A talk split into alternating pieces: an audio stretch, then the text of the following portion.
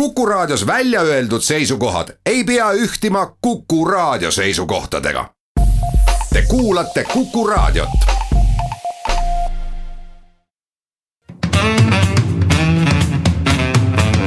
muuli ja Riikoja.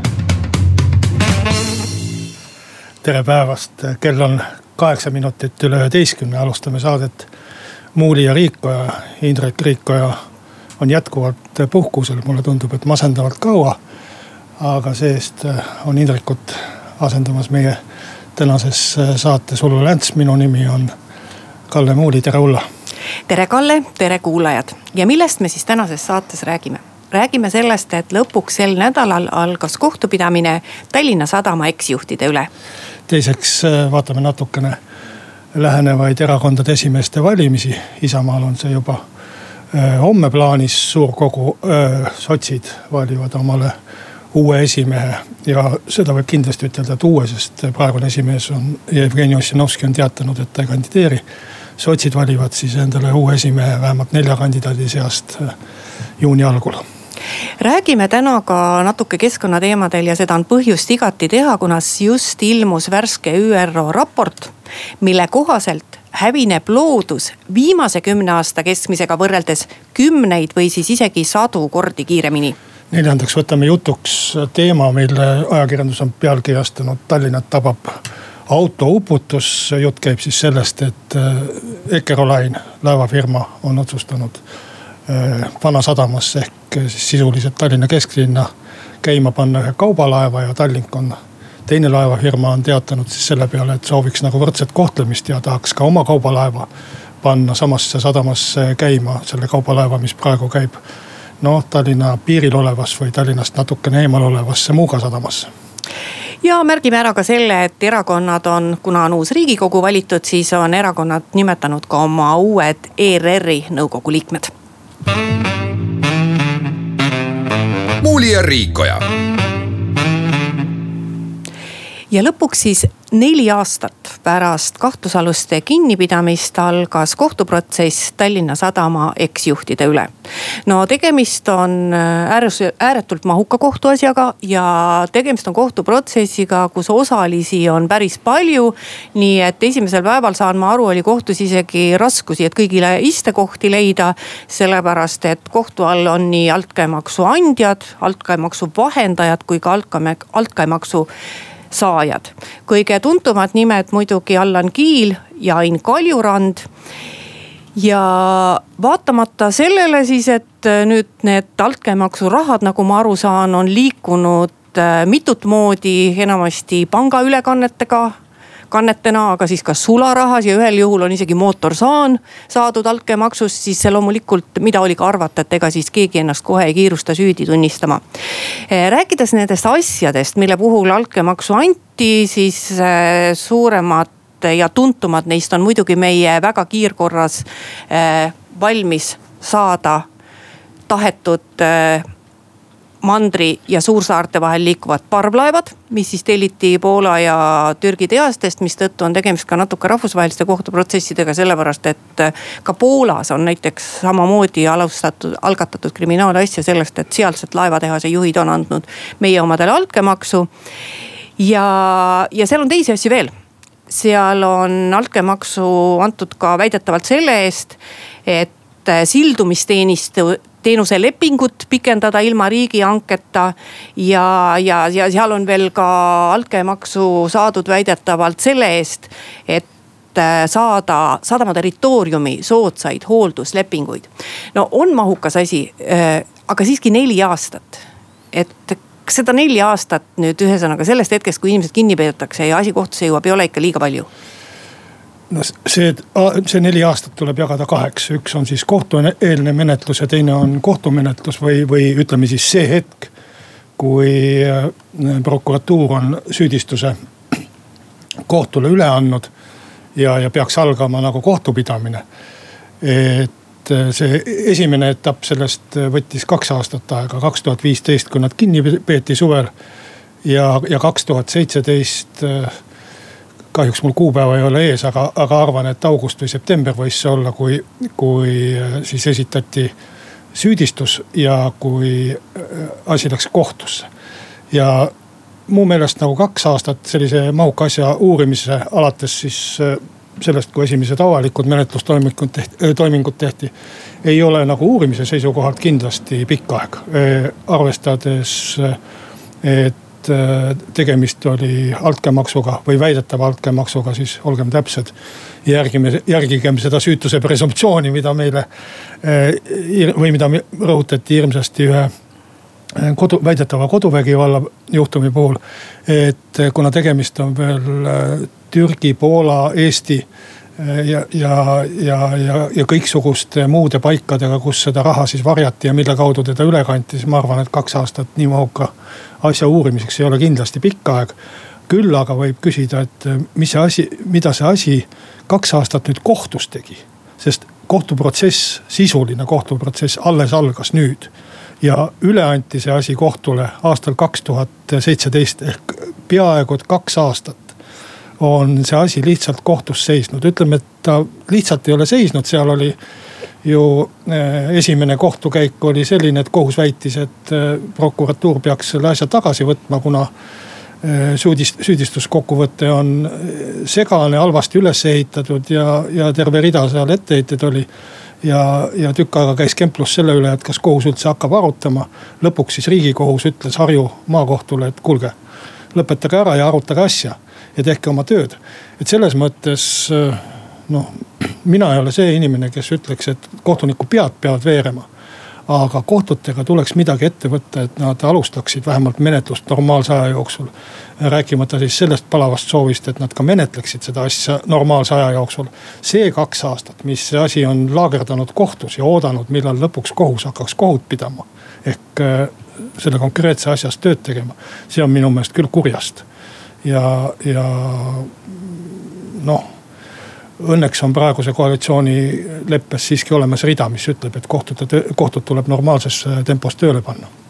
no kui vaadata teisi selliseid äh, mahukaid kohtuasju, siis meil on tegelikult äh, praegu täiesti käimas samaaegselt üks teine altkäemaksu asi, mis on täpselt samamoodi ääretult mahukas, et ega siis. Äh, see on siis Edgar Savisaarele altkäemaksu andmise asi ja ega siis sellepärast ju, et Edgar Savisaar on nagu sellest protsessist ja kogu sellest loost vabastatud. ei ole ju see kogu lugu lõppenud. et põhimõtteliselt me ju nagu ei kujuta ette tänasel päeval, kui pikalt sellega veel läheb. ja kui vaadata veel selliseid mahukaid kohtuasju, siis kas, kas maadevahetuse asi, mis nüüd küll oli natuke teistsugune asi. et kas see ei kestnud meil mitte ligi kümme aastat? jah, eks erinevad kohtuasjad ole erineva mahukusega ja, ja kõike ei saa ütelda, et noh, siis võime, võiksime tärmini panna, et aasta või kaks või kolm. et, et ongi üldiselt äh, räägitakse nende tähtaegade puhul mõistlikust ajast. ehk siis äh, tulebki vaadata, et võib-olla mõne kohtuasja puhul oleks ka pool aastat äh, täiesti mõistlik tähtaeg ja mõne aasta, mõne puhul võiks olla ka kolm aastat täiesti mõistlik tähtaeg. et niiviisi ei saa kõike ühe lauaga lüüa et, et maadevahetust ja, ja kõike muud ühte patta panna, aga, aga noh, selge on see, et kui kohtuasja alustamiseni ainuüksi, ma ei räägi kohtuasja lõpetamiseni. mitu aastat ta käib meil veel see praegune Tallinna Sadama asi kõikidest kohtuastmetest läbi ja kui palju teda seal vaidlustada annab. aga kui ainult alustamiseni kulub peaaegu kaks aastat, et siis see on kindlasti ebaloomulik ja ma arvan, et, et eraldi tasuks ka vaadata selliseid kohtuasju ehkki kuritegu on kuritegu. aga, aga siiski raskusastmed ja, ja, ja tähtsused on, on erinevad. et eraldi tasuks vaadata ka selliseid kohtuasju, mille vastu on suur ja põhjendatud avalik huvi. ehk siis, kus kohtu all on ikkagi äh, avalikkusele väga tuntud tegi, tegijad või, või äh, poliitikud või, või inimesed. et neid tuleks võib-olla ka kuidagi mingisuguses erilises menetlusprotsessis menetleda. et nad jõuaksid äh, sellesama mõistliku aja jooksul siiski lõpule. sest äh, see jätab riigist lihtsalt erakordselt kehva mulje, kui uurijad on teinud küll suurepärase töö, võib-olla tabanud võib-olla, äh, väidetav ohtliku kurjategija ja siis üks selle suure ahela üks aste ei, ei suuda nagu menetleda asja nagu mõistliku tähtaja jooksul. et ma arvan, et seal peab midagi ette võtma, ma ei, ma ei ole valmis siin mikrofoni taga mingisuguseid tarku ja häid soovitusi andma, mida ette võtta, et see on päris keeruline, meie kriminaalprotsess on praegust väga jäigalt reglementeeritud. Et, et kas seal annaks, annaks spetsialistide poolt kuidagi kasvõi ma ei tea, kohtunikke ümber paigutada, mingisuguseid muid võimalusi leida, et, et oleks võimalik seda siiski mõistliku aja jooksul menetleda. see praegune olukord minu meelest küll kuidagi ei rahulda. muuli ja Riikoja jätkame saadet stuudios Ulla Länts asendamas Indrek Riikojat, minu nimi on Kalle Muuli. räägime lähenevatest erakondade esimeeste valimistest, jutt on siis Isamaast. kus homme suurkogul Tallinnas Tehnikaülikoolis kandideerivad Helir-Valdor Seeder, praegune esimees ja vastaskandidaadina Illimar Lepik von Vireen. ja, ja seda, et kaks inimest erakonna esimees kandidaat, kandideerivad, seda on ikka meil juhtunud, aga, aga seda, mis hakkab sotside juures toimuma juuni algul, kus on korraga neli kandidaati, siis äh, niiviisi peast ja, ja kiiresti meenutades ei, ei tulegi ette, et oleks selline tung erakonna esimehe kohale olnud, kus noh, ilmselt jäävad need juhtumid kõik juba eelmisse sajandisse, et, et praegust võtta sellist näidet, kus neli, neli inimest ja, ja seejuures ikkagi tuntud kandidaadid ja sugugi mitte mingisugused tagapingi inimesed, vaid ikkagi ministri staatuses, hiljuti veel ministri staatuses olnud inimesed kandideerivad erakonna esimeheks, et see on ikkagi rõõmustavalt suur konkurents. no ma isegi ei äh, tähtsustaks üle vot seda arvu, vaid ma pigem ütleks, äh, juhiks tähelepanu sellele, et hetkel küll tundub, et see kandideerimine on selline noh, ma ütlen, selles ei ole kirge sest kui sa nüüd ise mäletad seda, kuidas Isamaal ka eelmine kord oli, siis äh, tegelikult kui Tsahkna ja Seeder olid vastupidi, siis seal oli kirg, seal oli tõe. Tsahkna küll ei kandideerinud, äh, kandideeris Kaia Iva. Äh, vabandust ja, aga et noh, et ikkagi ütleme kõik need sellised Tsahkna-aegsed ka kandideerimised seal noh, need olid nagu päriselt, oligi võimuvõitlus erakonnas. et et, et kui sa võtad nüüd nagu Isamaad, siis eks sa tead erakonna siseasju paremini. ja ma ütleksin, et äh, Vireni kandideerimine on huvitav, noh nagu ütleb Seeder isegi, tore, et tuli talle vastaskandidaat. aga ma millegipärast arvan, et erakonnas nüüd äh, väga tõsist sellist võitlust ei ole, esiteks on ajafaktor väga väike. et tavaliselt, kui keegi erakonna esimehe vastu väga põhimõtteliselt ja tõepoolest kandideerib, eh, kandideerib mõttega, et ta tahaks sinna sellele kohale ka saada, et siis see algab alati palju varem. ehk siis, et ta üritabki endale erakonnas eh, poolehoidu hoida, ta üritab tulla välja oma ideedega, sest praegu me nendest ideedest teame ju ainult selliseid põhiliselt seda sotsiaalmeedia postitust ja isegi väga pikki intervjuusid ei ole tehtud, küll ma juhin tähelepanu, et Illimar Lepik von Vireen on täna Kuku raadio Nädalategija saates. et tegemist on huvitava inimesega ja kindlasti kõigil kuulajatel on võimalik temaga tuttavaks saada. aga, ja eks me siis, Meelis Atonen saab tema käest ka küsida, et eh, miks ta kandideerib. aga et eh, ma ei usu, et eh, ta oleks praegu selle juhile Helir-Valdor Seederile väga suur vastane ja ma ei tea, kui tugev praegu vastuseis teil erakonnas sees üleüldse Seederile on, noh kasvõi võiks ju arvata, et see koalitsioon, kuhu kuulub EKRE, et see erakonna liikmetes nii mõneski väga suurt rõõmu ei tekita. noh mõnega räägid, mõnel on päris piinlik, sina ütled, et ei ole midagi. aga siiski ma, mulle tunne, et Isamaas ei ole sellist tugevat vastasseisu Seederile, et küllap tema ikka valituks saab. Eh, mis puudutab nüüd sotse, siis sotside puhul ma ütleks ka ei ole seda kirge, sest esiteks Ossinovski on teatanud, et ta nii ehk teisiti enam erakonna juht ei ole. ja praegu ülejäänud viisakad inimesed üritavad leida jah, tõsi küll, endised ministrid ja nii edasi. aga inimesed üritavad selliseid viisakaid nägemusi leida, kuidas erakond võiks edasi minna ja miks keegi peaks just nende poolt hääletama mina ei ole küll vastandumist nagu leidnud ja, ja kuigi sotsidel on jah, tegelikult suur tugev küsimärk selles, et kuidas nüüd elada üle kogu see aeg, mis tuleb opositsioonis olla, sest me teame, et mõned erakonnad saavad selleks suurepäraselt hakkama. Keskerakond oli kaua aega opositsioonis ja pidas väga hästi vastu. Äh, mõnel erakonnal opositsioonis olek ei õnnestu et kipub lagunema sel ajal. jah, eks erakonna esimeest vahet-, vahetatakse üldiselt siis, kui äh, erakonnal läheb halvasti. Ja kui erakonnal läheb hästi, siis seda esimeest ei vahetata, see on, see on selline üldine ja tavaline praktika ja kui, kui vaadata Isamaad ja sotse, siis, siis äh, Isamaa ja sotsid on selles osas kindlasti erinevas olukorras. Et äh, kui Helir-Valdor Seeder kaks aastat tagasi erakonna esimeheks sai, siis Isamaa reiting oli valimiskünnise peal ja, ja väga tõsimeeli arutasid äh, erakonnast väljaspool olevad inimesed, et kas Isamaa üldse pääseb kunagi riigikogusse või hukkub ja kaob igavesti ära. nüüd on Isamaa taas valitsuserakond noh, riigikogus on kaks kohta vähem kui, kui eelmistel valimistel, aga ikkagi üks koht rohkem kui eelmise riigikogu aja lõpul. kui Isamaast olid Tsahkna, äh, Mihkelson ja, ja, ja erakonda mittekuuluv Tiina Kangro olid ka fraktsioonist lahkunud. et äh, ja Isamaa reiting on äh, ikkagi tükk maad või peaaegu kaks korda kõrgem, kui ta siis oli, kui Tsahkna lahkus ja Seeder esimeheks sai, nii et selles mõttes sellepärast ongi Helir-Valdor Seederil üsna muretu olla, et ta on hästi hakkama saanud. nii palju, kui ma tean ja ma tean tõesti ka peaaegu sama vähe kui sina teisest kandidaadist et tema vastandamise alus on tõesti see, et kas olla EKRE-ga koalitsioonis või mitte, noh väga lihtsustatult öeldes. või milline suund valida.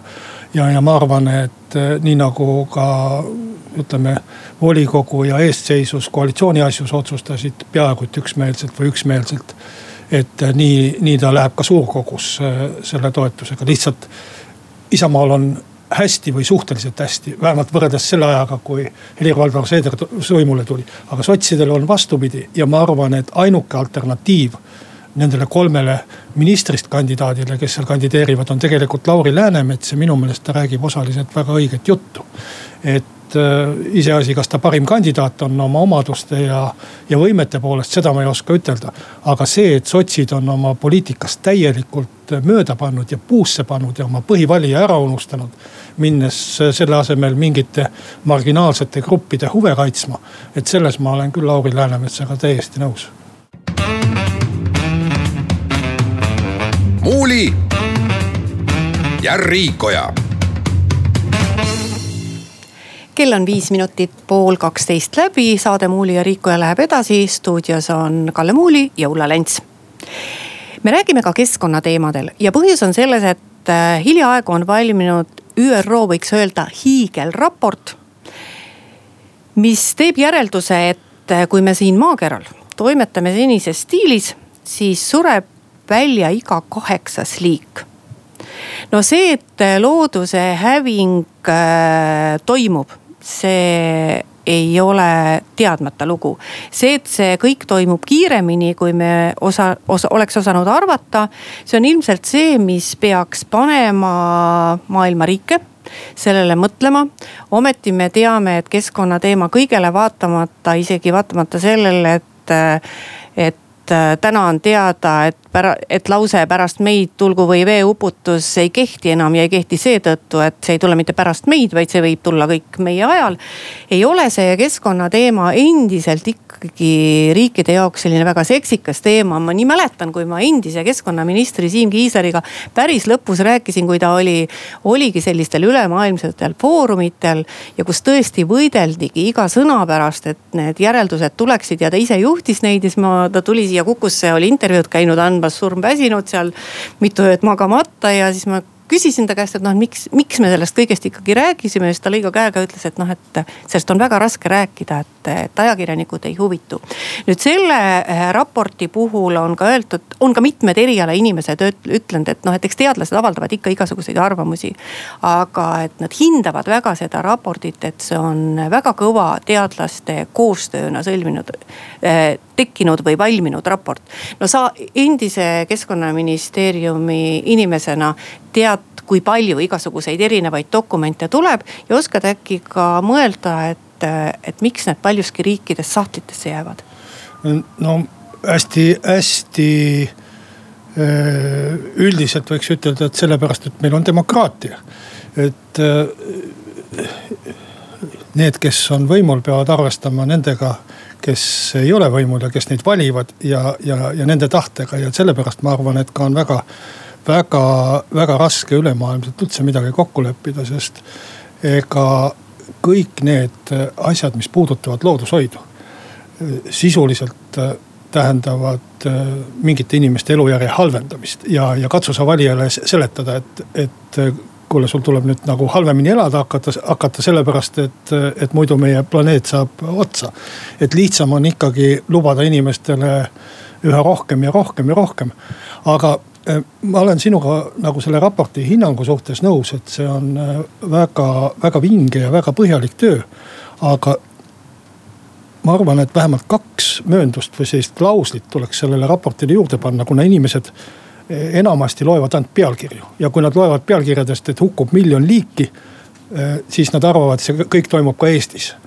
et see üks, üks mööndus, mille ma teengi, teeksingi, ongi see, et, et, et igasugused kliimamuutused ja liikide hukkumised on toimunud läbi aegade eh, ka kümneid kordi hullemaid kui praegu.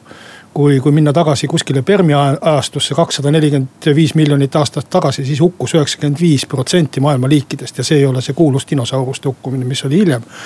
et, et loodus on kõik selle üle elanud, et üks küsimus selle raporti puhul on see, et kui palju sellest on inimtekkelist äh, mõju ja et kas see kõik toimuks ka ilma inim-, inimeseta, et tõenäoliselt ei toimuks, et inimtekkeline mõju on kindlasti olemas, aga kui suur ta on ja kui palju.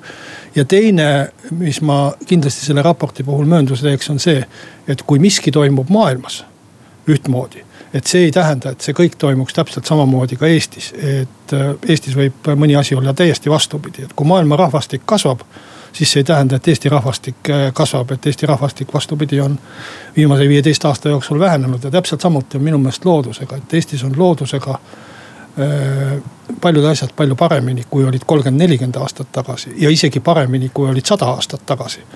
et, et me peaksime vaatama, kui me, kui me räägime Eestist, siis me peaksime vaatama neid raporteid, mis on tehtud Eesti kohta.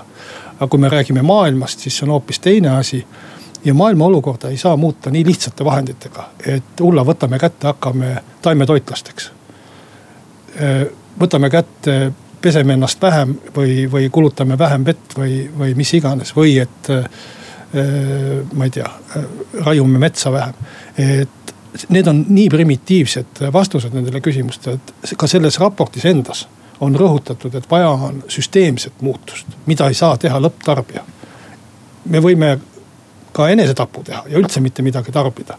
aga, aga see ei muuda seda olukorda no ma olen kuulnud, lugenud ka nagu mitmete teadlaste arvamusi selle kohta nüüd ja, ja, ja tegelikult ei ole nii, et vot teadlased, kes nende numbritega välja tulevad. no esiteks on see, et nad toovad need numbrid, ega siis eh, nad ei too paralleelselt tohutut hulka õpetussõnu, et. et eh, ärge nüüd midagi tehke ja põhimõtteliselt ärge sööge, ärge pestke. aga, aga vaat kui lugu on selles, et tegelikult paljudes asjades me ei pea ju hakkama ennast piirama. et kui me näiteks vaatame selliseid numbreid, et me viskame ära eh, kolmandiku toidust siis tegelikult me oleme selle toidu tootmiseks juba kulutanud loodusressurssi võib-olla seda kõike ei peaks nii palju tootma, kui me seda päris täpselt ei vaja. tegelikult see ei tähenda ju mitte mingisugust enesepiiramist. et mis ma tahan sellega öelda, ma tahan öelda selle, seda, et vaata sageli inimestes on olemas seesama hea tahe teha midagi paremini. Aga, aga nad ei tea, mis asi see on, mida igapäevatoimetamistes me paremini peame tegema, et meil on välja kujunenud vaat sellised arvamused, noh näiteks, et praegu me väga elektriautosid siin pooldame, et teeme neile siin eraldi, Tallinnas on võimalik sõita ühistranspordirajal, sest sa oled nii tubli, sa sõidad selle elektriautoga ja, ja mõnes kohas saab tasuta parkida nüüd, eh, kas sina tead täpselt, kui võtta selle elektriauto tootmistsükkel, siis äh, vaadata, et me siin Eestis äh, tema laadimiseks tarbime seda põlevkivi energial toodetud elektrit et noh, et kas siis lõppkokkuvõttes sa teed midagi keskkonna jaoks paremini. et me päris täpselt ei tea, mida me peaksime tegema ja kindlasti tegevus ei peaks olema see, et ärme peseme ja ärme sööme enam selles ongi asi, et tegelikult lõpptarbija ehk siis meie tavalised inimesed ei, ei saagi seda olukorda muuta ega, ega teadagi.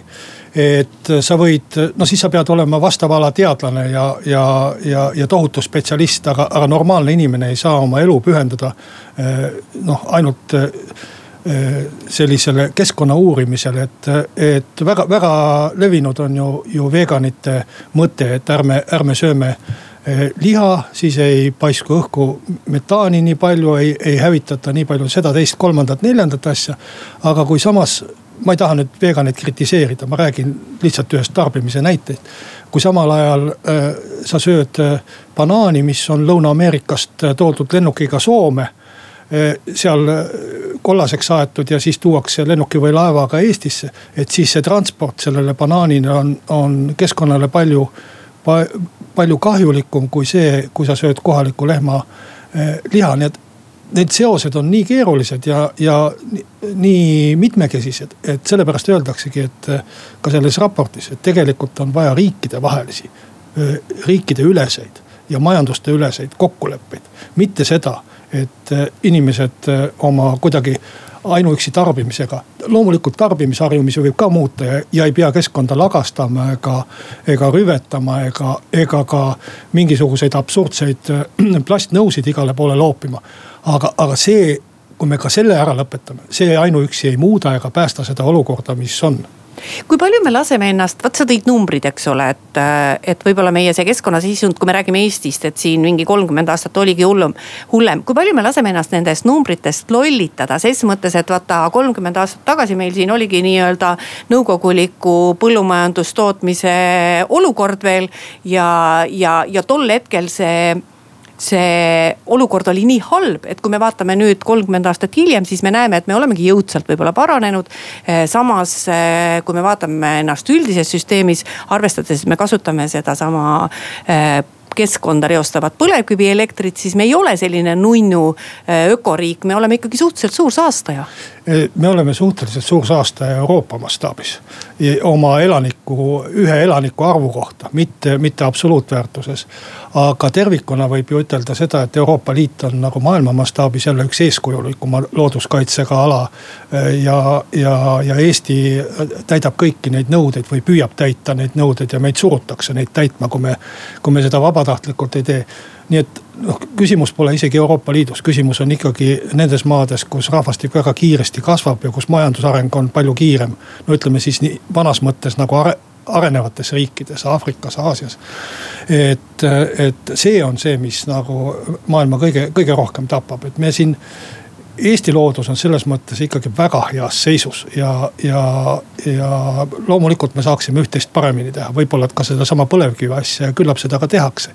et aga, aga selles ei ole küsimus, küsimus on ikkagi väljaspool Euroopa Liitu olevates äh, äh, asjades, et me peaksime lihtsalt oma kodust loodust vaatama hoopis teise, teise pilguga võib-olla, et kui kui, kui see, mis on maailma probleemid. meie probleemid on hoopis teised. Ja, ja nendest võiks teha eraldi saate, et kui sa kunagi kutsud, me võiksime sellest rääkida. mis on, mis on ka oluline, aga see maailma kliimaraport mis kuuendal mail nüüd avalikustati, see räägib hoopis teistest probleemidest ja hoopis suurematest asjadest ja neid ei saa lahendada Eesti. seda peavad tegema riigid? seda peavad tegema riigid ja noh, Eesti võib siin oma hääle lihtsalt ütelda, et kuulge, teeme midagi ja, ja meie ettepanekud on sellised aga, aga see ei ole tavatarbija tase. Muuli ja Riikoja. no saame jätkata peaaegu et keskkonnateemadel, Ulla Länts ja Kalle Muuli. Tallinna kesklinna siis pidavat tabama autouputus, mina ei tea, kas see nii on, ei, elame-näeme, aga, aga jutt käib siis sellest, et kaubaautod hakkavad sõitma rohkem läbi Tallinna kesklinna seetõttu, et Vanasadamasse tuleb äh, uus laevaliin, äh, kavatseb seal panna oma kaubalaevas käima Soome vahet Vuosaari äh, sadamaga ja Tallink apelleerib siis sellele, et Tallinna Sadam peaks kõiki võrdselt kohtlema. ja, ja Tallinna Sadam on vastanud, et kohtlebki võrdselt. et ka Tallink tahab siis panna oma kaubalaeva Siipind on vist selle asja nimi, äh, mis praegu käib Muugale, siis Tallinna Vanasadamasse käima, kuna, kuna see, see vahe tekitavad siis ikkagi konkurentsieelise muidu Ekerole. ja noh, majanduses peab olema kõik võrdne. ma ei tea, kas linnaelanike jaoks ka on mingisugused nagu tingimused, aga üks laev äh, tekitab siis täiendavalt umbes sada nelikümmend veoautot kesklinna, seitsekümmend neid, mis läheb auto peale või laeva peale ja seitsekümmend neid, mis sealt tulevad ja kui ühe laevafirma laev käib kaks korda päevas, et siis see oleks umbes niiviisi suurusjärgus, järgus kolmsada veoautot Tallinna kesklinnas juurde, teine laevafirma veel, seitsesada autot saame võib-olla. Noh, mis see Tallinna liikluse juures on ja, ja liiklusvoo juures, minul on väga raske ütelda, kas nad hakkavad kõik üht, mööda ühte tänavat sõitma läbi Tallinna linna või, või hajub nad kuidagi ära ja, ja, ja mis äh, hetkel või kellaajal nad hakkavad tulema, see on ka omaette küsimus, sest Tallinna liiklus äh, oma tiheduselt ja ummikutelt sõltub väga palju ju ka tipptundidest, et hommikul ja, ja õhtul pärast tööd on, on päris keeruline kesklinnas liigelda no ma usun, et nad hakkavad jah, kui see kõik nii toimub, siis hakkavad nad tõenäoliselt suhteliselt üht tänavat sõitma, sest Tallinna kesklinna või Vanasadamasse jõudmiseks väga palju alternatiive ei ole. nüüd äh, tunnistan kohe, et ega ma nagu sellest konkurentsieelisest väga palju aru ei saa. et mina saan aru, et see lugu on nii, et äh, üleüldiselt on Tallinna Sadamaga lepitud kokku ja Tallinna Sadam on ise mitmel korral ka öelnud, et nii palju kui võimalik. kaubavedu võiks ikkagi käia mujal kui siin läbi nende terminalide, mis siin südalinnas, Tallinna otse südalinnas on. nüüd on juhtunud selline lugu, et kui Eckerline on teatanud sellest võimalikust, sest laeva veel ei ole, uue laeva ostust siis äh, Tallinna Sadam saadaks nad hea meelega ka Muugale, aga neil ei ole praegu võimalusi selle laeva vastuvõtmiseks. ja selleks äh, ma saan aru, et nad peavad tegema teatavaid kulutusi, et see kai oleks nüüd selline, et see laev saab sinna minna.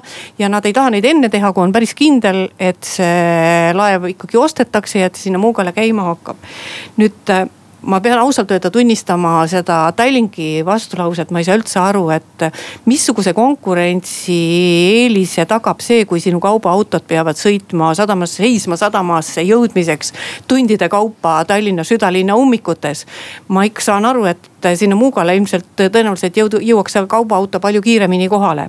et äh, võib-olla seal on mingid asjad, ma ütlen, ma, mina ei ole teinud Tallinna Sadama ega Tallinkiga ühtegi intervjuud, nii et ma ei ole saanud vastust nendele täpsustavatele küsimustele teine asi on see, et kui nüüd see kõik peaks juhtuma, siis ma arvan, et sellesse protsessi tuleks Tallinna linn kindlasti kaasata ja Tallinna linnal peaks oma sõna olema kaasa rääkida.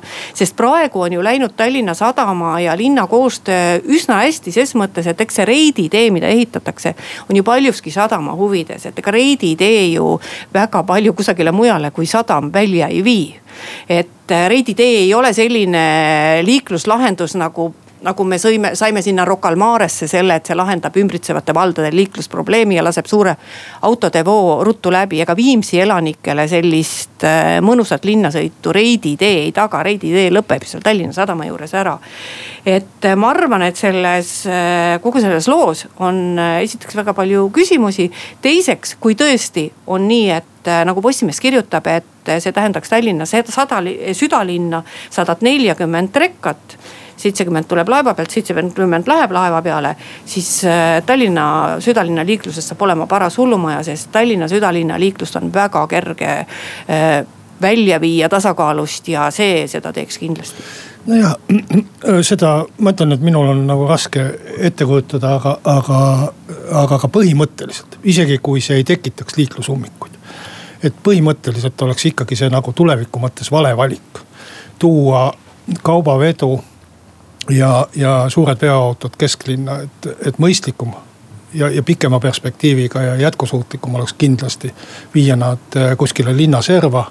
Muugale, nii nagu seda on tehtud ka Helsingis, ega Vuosaari on no muide, eestlaste üks suurimaid elurajoone Helsingis asub ikkagi päris Helsingi eh, idaservas, noh sisuliselt ikkagi linnast peaaegu et väljas. et, et see on ikkagi tööstuse ja, ja, ja, ja kaubaveo seisukohalt õige koht, nii et äh, isegi kui see lahendus peaks tulema, et, et ta jääb kesklinna või, või tuleb kesklinna, et siis see peaks olema ikkagi ajutine lahendus mingisuguseks hetkeks. et äh, asju peaks vaatama ikkagi pikemas perspektiivis ja minu meelest ainus õige lahendus oleks ikka viia ta linna serva. muuli ja Riikoja ja kuna uus riigikogu on kokku saanud, siis äh, on uus riigikogu nimetanud ka oma esindajad ERR-i nõukogusse. ja see tuleneb juba seadusest ja on kokku lepitud, et iga riigikogus esindatud fraktsioon oma esindaja sinna saadab minu meelest on see kunagi väga e-, välja mõeldud, väga halb otsus. mina saan aru, et äh, nõukogu tegutseb reeglina selle nimel, et sellel ettevõttel läheks edukalt.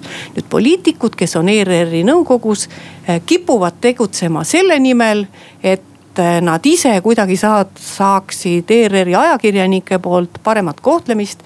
ja see on põhimõtteliselt vale, et meil on olemas küll jah, tõesti loogiline seletus, et kui on meil olemas riigi sihtasutus, kellele riik annab raha, siis riigi esindajad võiksid seal olla. aga need ei pea kindlasti olema poliitikud ja, ja, ja vaadates, eh, missugused jutud seal siis nüüd ja missugused probleemid eh, kerkivad esile seal just tänu sellele ja on alati kerkinud, mitte ainult praegu, et seal on poliitikud, siis eh, oleks raudselt parem, kui seal oleks riiki esindaksid mitte riigikogu liikmed, et kujutad sa nüüd ette, et äh, riigile kuuluva haigla nõukogus on inimesed, kes hakkavad otsustama, kuidas kirurg peab opereerima?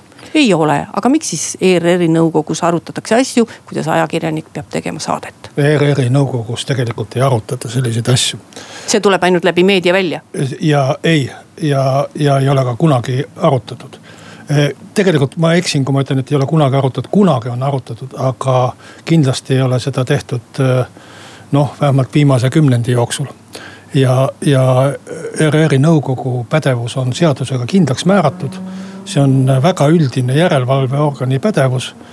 ta vaatab läbi eelarve täitmise aruanded, majandusaasta aruanded, vaatab läbi äh, siseaudiitori tööplaani äh, ja, ja ainus sisuga puutuv äh, volitus on tal äh, avada uut programmi või, või lisada uusi programme, et ta saab otsustada mõne programmi avamise või, või sulgemise üle. et see on ainus sisuga saadetega kokku puutuv asi. et see ettekujutus ja võib-olla ka Martin Helme ettekujutus, et äh, Rahvusringhäälingu nõukogu äh, arutab mingeid saadete sisu või ajakirjanike tööprobleeme, see on täiesti vale ja ei hakka ka kunagi arutama, et see on seadusega keelatud ja, ja nii see on ka olnud tegelikult reaalselt. Martin Helme ettepanekut arutati, et kas üldse päevakorda panna ja seda ei pandud isegi päevakorda aga nüüd on küll aeg sealmaal, et meil tuleb öelda kuulajatele head aega ja järgmises saates loodetavasti on kohal ka Indrek Riikoja. Kuulmiseni. muuli ja Riikoja